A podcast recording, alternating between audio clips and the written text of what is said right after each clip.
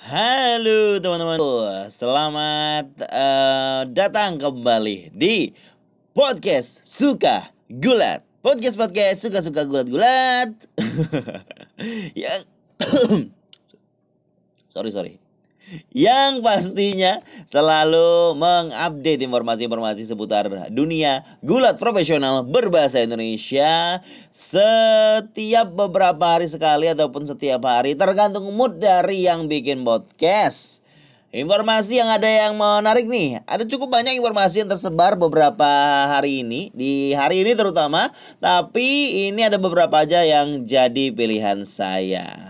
Di antaranya informasi alasan kenapa Andre the Giant Memorial Battle Royale itu adanya di SmackDown bukan di WrestleMania.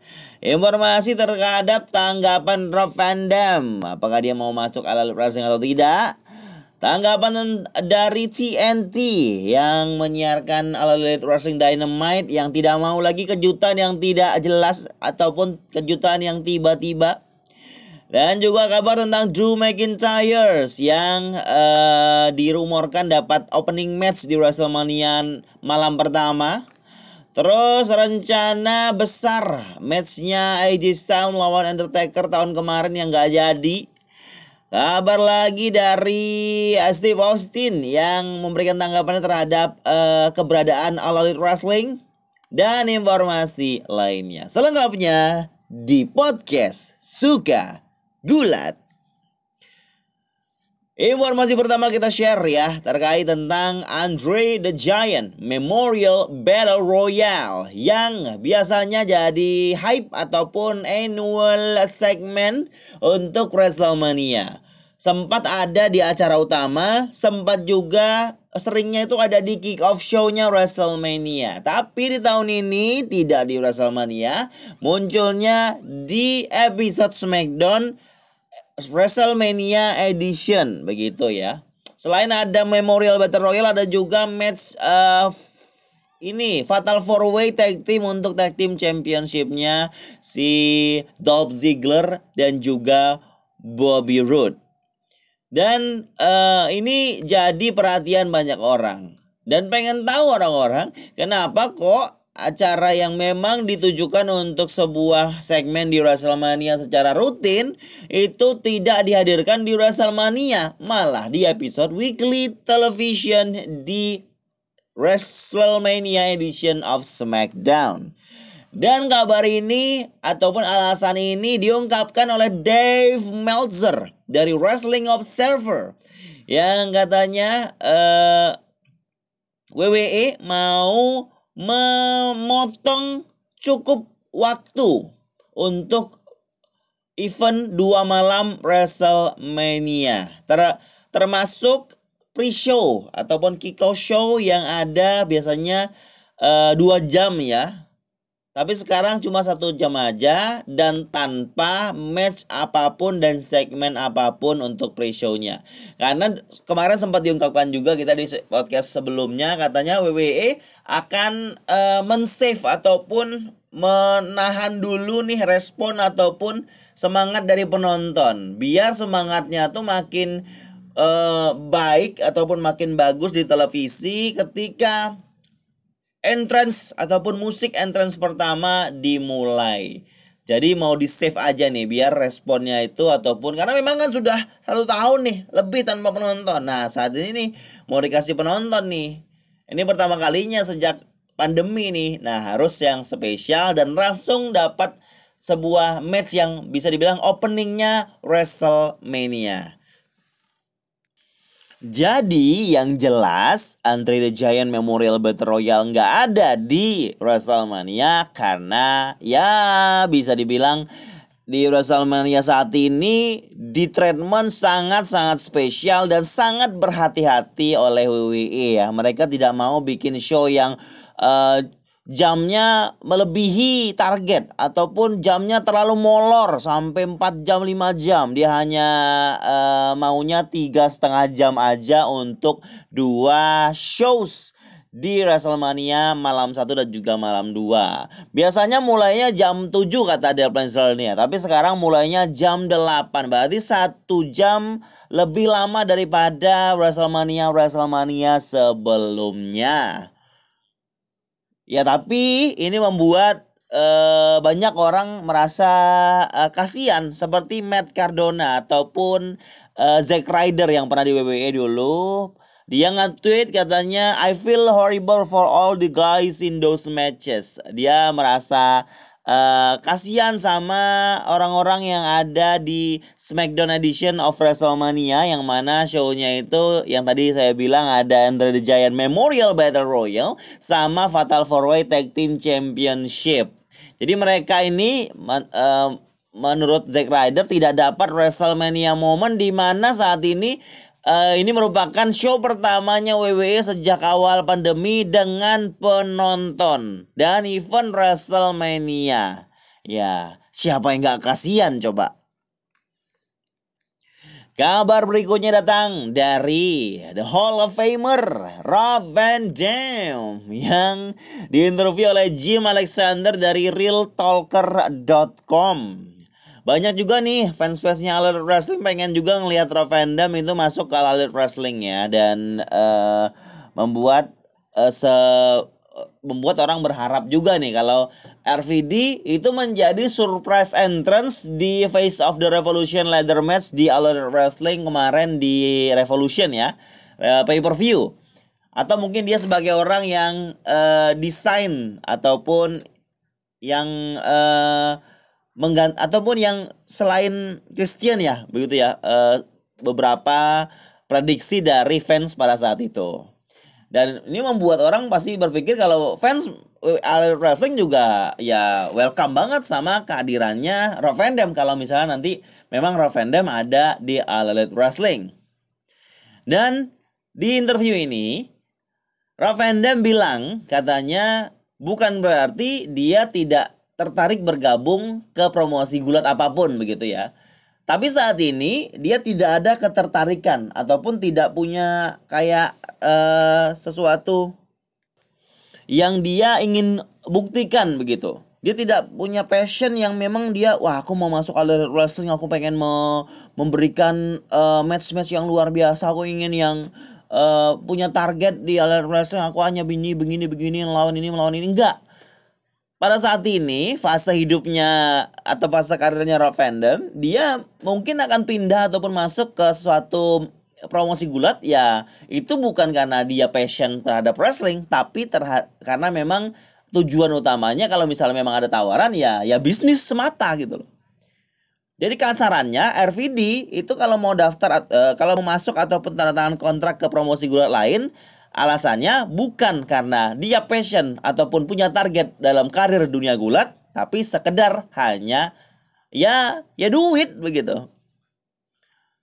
Ya memang ini ya realit real, apa, cukup realistis ya karena memang posisinya saat ini Rob Van Dam itu tidak butuh pencapaian-pencapaian lainnya. Dia Hall of Famer WWE say uh, inductee 2021, Bro. Jadi Eh, dengan uh, keputusan tersebut uh, memang pantas untuk Ravenda menentukan dia mau ke mana suka-suka dia kalau ada duitnya cukup ya oke-oke aja begitu. Tapi kita tahu Bapak Tony kan duitnya banyak. Kalau memang dia pingin Ravendam ya dapat pasti dong.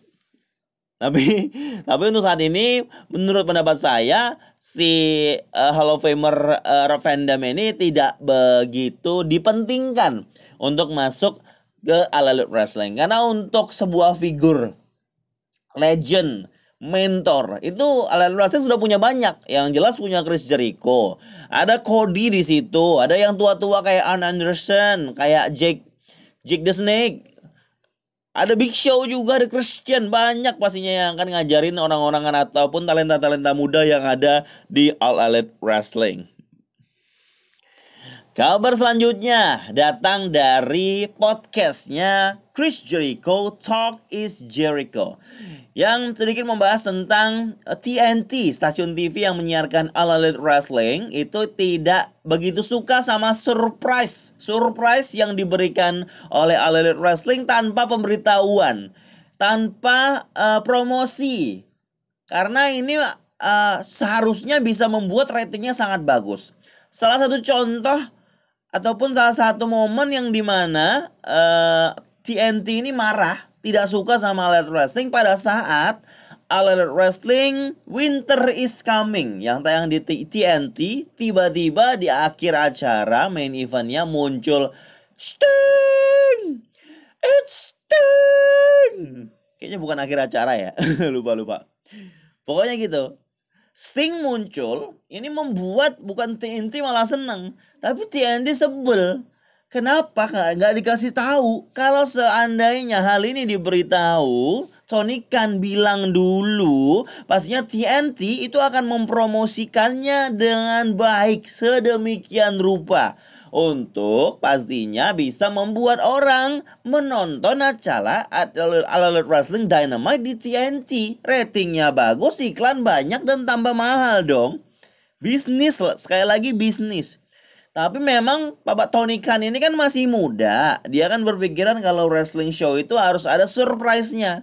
Jadi nggak dikasih tahu kah? Jadi nggak dikasih tahu. Dimuncul aja toko-toko muncul begitu. Dan ini membuat fans menggila pada saat itu ketika Sting muncul di All Elite Wrestling Dynamite. Di bukan Dynamite ya, acaranya Winter is Coming waktu itu. Makanya setelah itu, setelah ditegur sama TNT yang nggak mau surprise surprise seperti itu lagi, yang kalau misalnya e, contoh ya kalau misalnya Sting ini muncul itu dikabarin dulu di uh, sosial media mungkin. Jadi TNT itu bisa mempromosikannya dengan gencar. Ini membuat orang pengen nonton ala wrestling Dynamite. Itu terjadi pada saat debutnya Big Show. Paul White itu diinformasikannya lewat sosial media, Twitter, Instagram dan lain-lainnya. Ini membuat orang wah penasaran. Si Paul White Big Show ini mau bakal ngapain nanti di All Elite Wrestling? Terus ceritanya kayak gimana? Kabar selanjutnya gimana? Jadi orang pengen nonton acara All Elite Wrestling Dynamite karena ada Paul White dan Big Show. Sudah tahu bakal ada dia. Cuma tidak dapat elemen of surprise-nya di acara live-nya All Elite Wrestling Dynamite tapi itu menguntungkan untuk TNT karena TNT akan mempromosikannya dengan gencar akan menambah rating untuk acara Wrestling Dynamite begitu. Ini memang yang bisa dibilang masuk akal ya untuk TNT ya sekali lagi bisnis pengennya ya pengen uh, mempromosikan sesuatu yang besar. Sting masuk ala wrestling kembali ke TNT itu sesuatu yang besar yang sesuatu yang besar yang harusnya diketahui oleh TNT dan bisa dipromosikan dengan baik oleh TNT. Tapi ya walaupun begitu namanya Tony Khan ya suka-suka dia, dia punya duit, dia punya acara, tapi walaupun begitu ini membuat All Elite Wrestling harus ada penyesuaian. Jadi setelah setelah setelah tersebut kayak uh, ini kayak munculnya Christian di acara Revolution. Terus uh, ada beberapa hal lagi. Jadi uh, All Elite Wrestling itu biasanya akan ngasih tahu dulu sebelum episode itu kalau di episode itu akan ada kejutan. Jadi dia bilang dulu akan ada big announcement. Informasinya gitu, big announcement.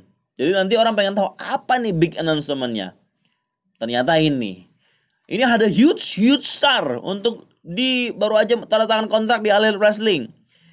Pas di episodenya ataupun di acaranya ya begini gitu. Itulah mengapa ada beberapa hal yang under deliver yang over promo gitu ya yang terlalu dibesar-besarkan tapi ternyata cuma gitu doang gitu loh.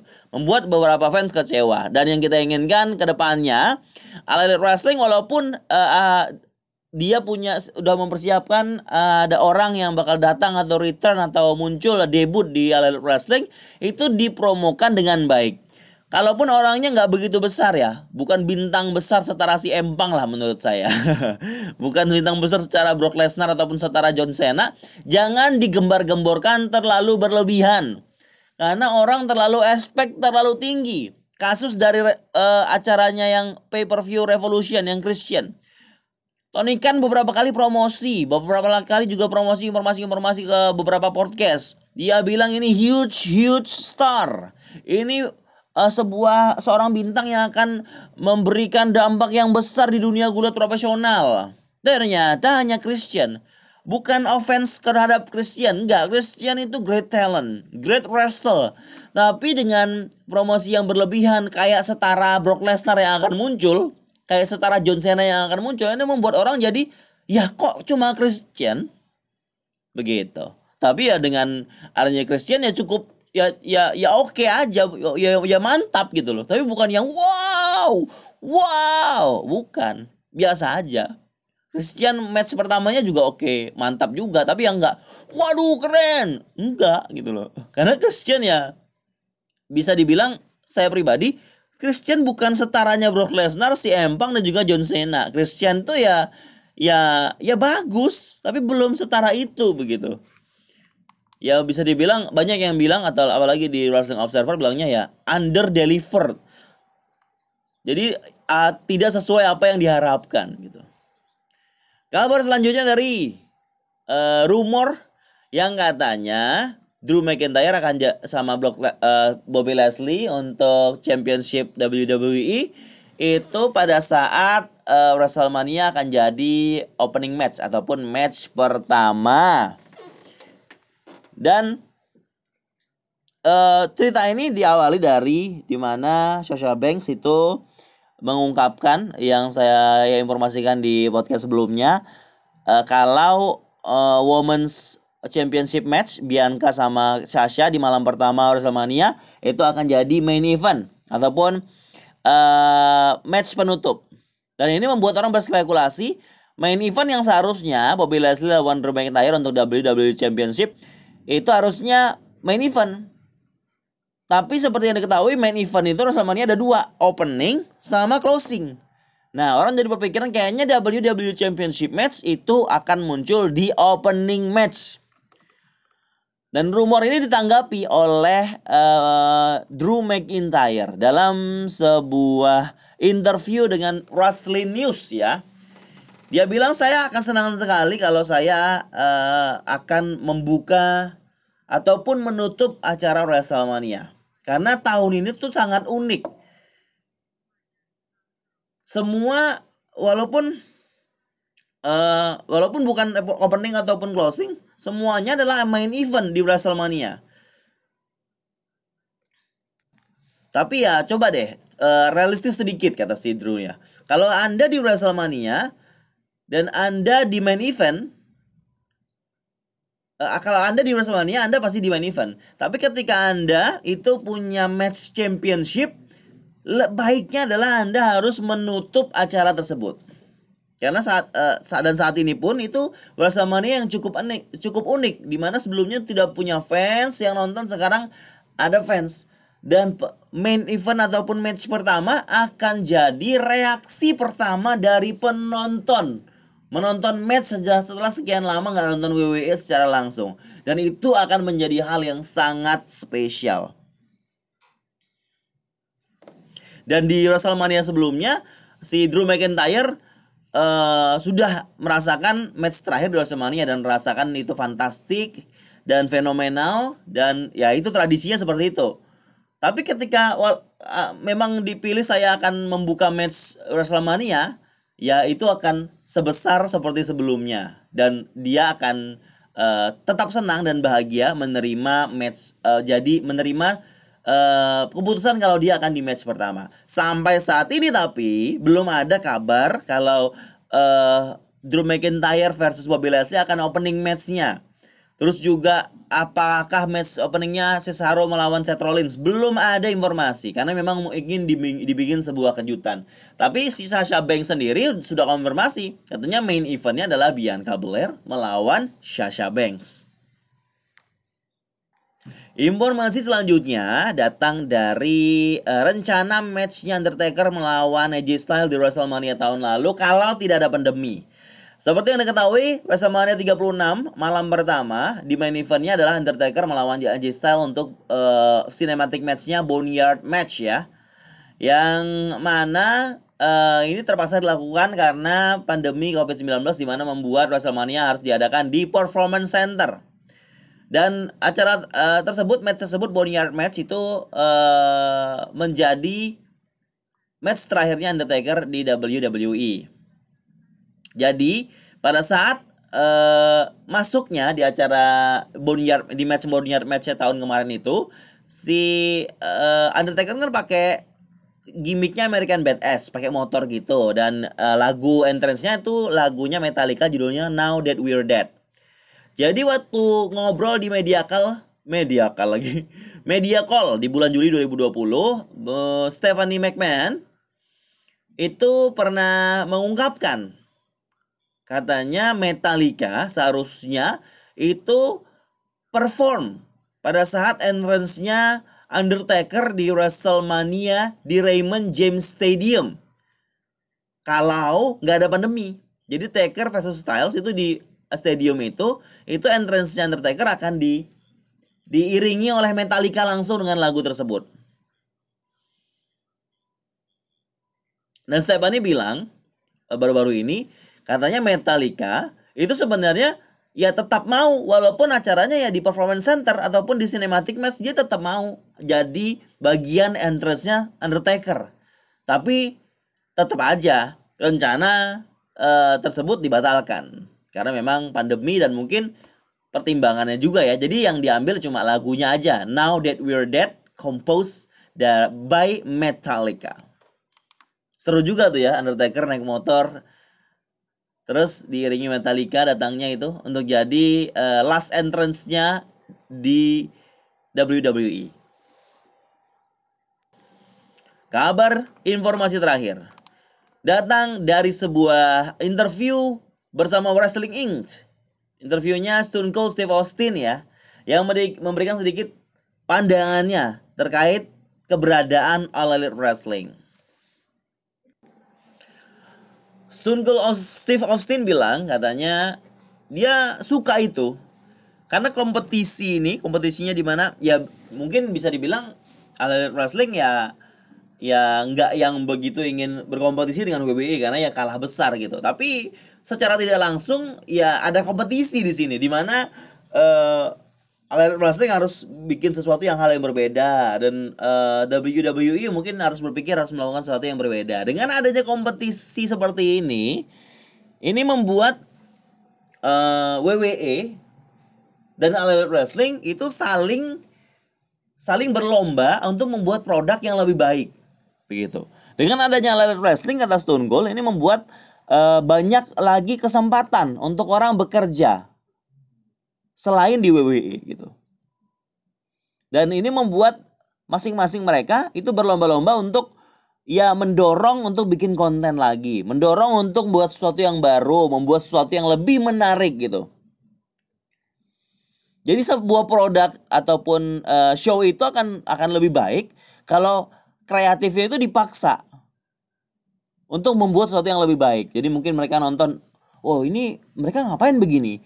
Kok begini wah kita harus bikin yang lebih baik nah begitu ada sesuatu yang harus diimbangi harus di dicek kembali begitu ini membuat eh, masing-masing produk itu menjadi lebih baik seiring berjalannya waktu di masa kompetisi ini begitu. Walaupun memang secara tidak langsung secara langsung mereka tidak berkompetisi, tapi secara batiniah pastinya akan ada berpikir mereka eh, masing-masing kreatif aku harus membuat sesuatu yang lebih baik. Karena fans ini masing-masing fans, fansnya Elite Wrestling, fansnya WWE ataupun fans keduanya itu biasanya uh, saling memberikan pendapatnya, membanding-bandingkan Elite Wrestling dan WWE, saling membandingkan begitu ya. Dan ini ya secara tidak langsung membuat kreatif di belakang layar itu akan berusaha untuk membuat sesuatu yang lebih baik. Ini terjadi sangat jelas di uh, awal-awal kemunculan ala wrestling ya, yang di mana sering uh, sering ini apa mengolok-olok WWE di beberapa promonya, storylines-nya, entrance-nya bahkan. Dan ya mau gimana lagi, uh, itu bisnisnya seperti itu. Ketika orang membandingkan, alah ini kok jadi tambah jelek. Ini ini aja lah nonton ala wrestling aja yang baru, fresh. Terus sempat juga ratingnya di Raw ini menurun secara drastis ya di awal-awal pandemi ataupun di tengah-tengah pandemi itu. Tapi dengan begitu mereka ya berusaha untuk lebih baik ketika ada kompetisi. Nah, ini pendapat dari uh, Bapak Stunkul. Dan uh, dia menjawab pertanyaannya dengan ya, uh, Wrestling adalah sesuatu yang baik. Baik untuk semuanya, termasuk baik untuk WWE. Oke deh teman-temanku, terima kasih. Sudah informasi-informasi tersebut disampaikan, mudah-mudahan bisa ya tersampaikan dengan baik dan diterima dengan baik juga buat teman-teman yang ingin mengupdate informasi-informasi seputar dunia gulat profesional berbahasa Indonesia bersama saya di podcast Suka Gulat. Teng teng teng.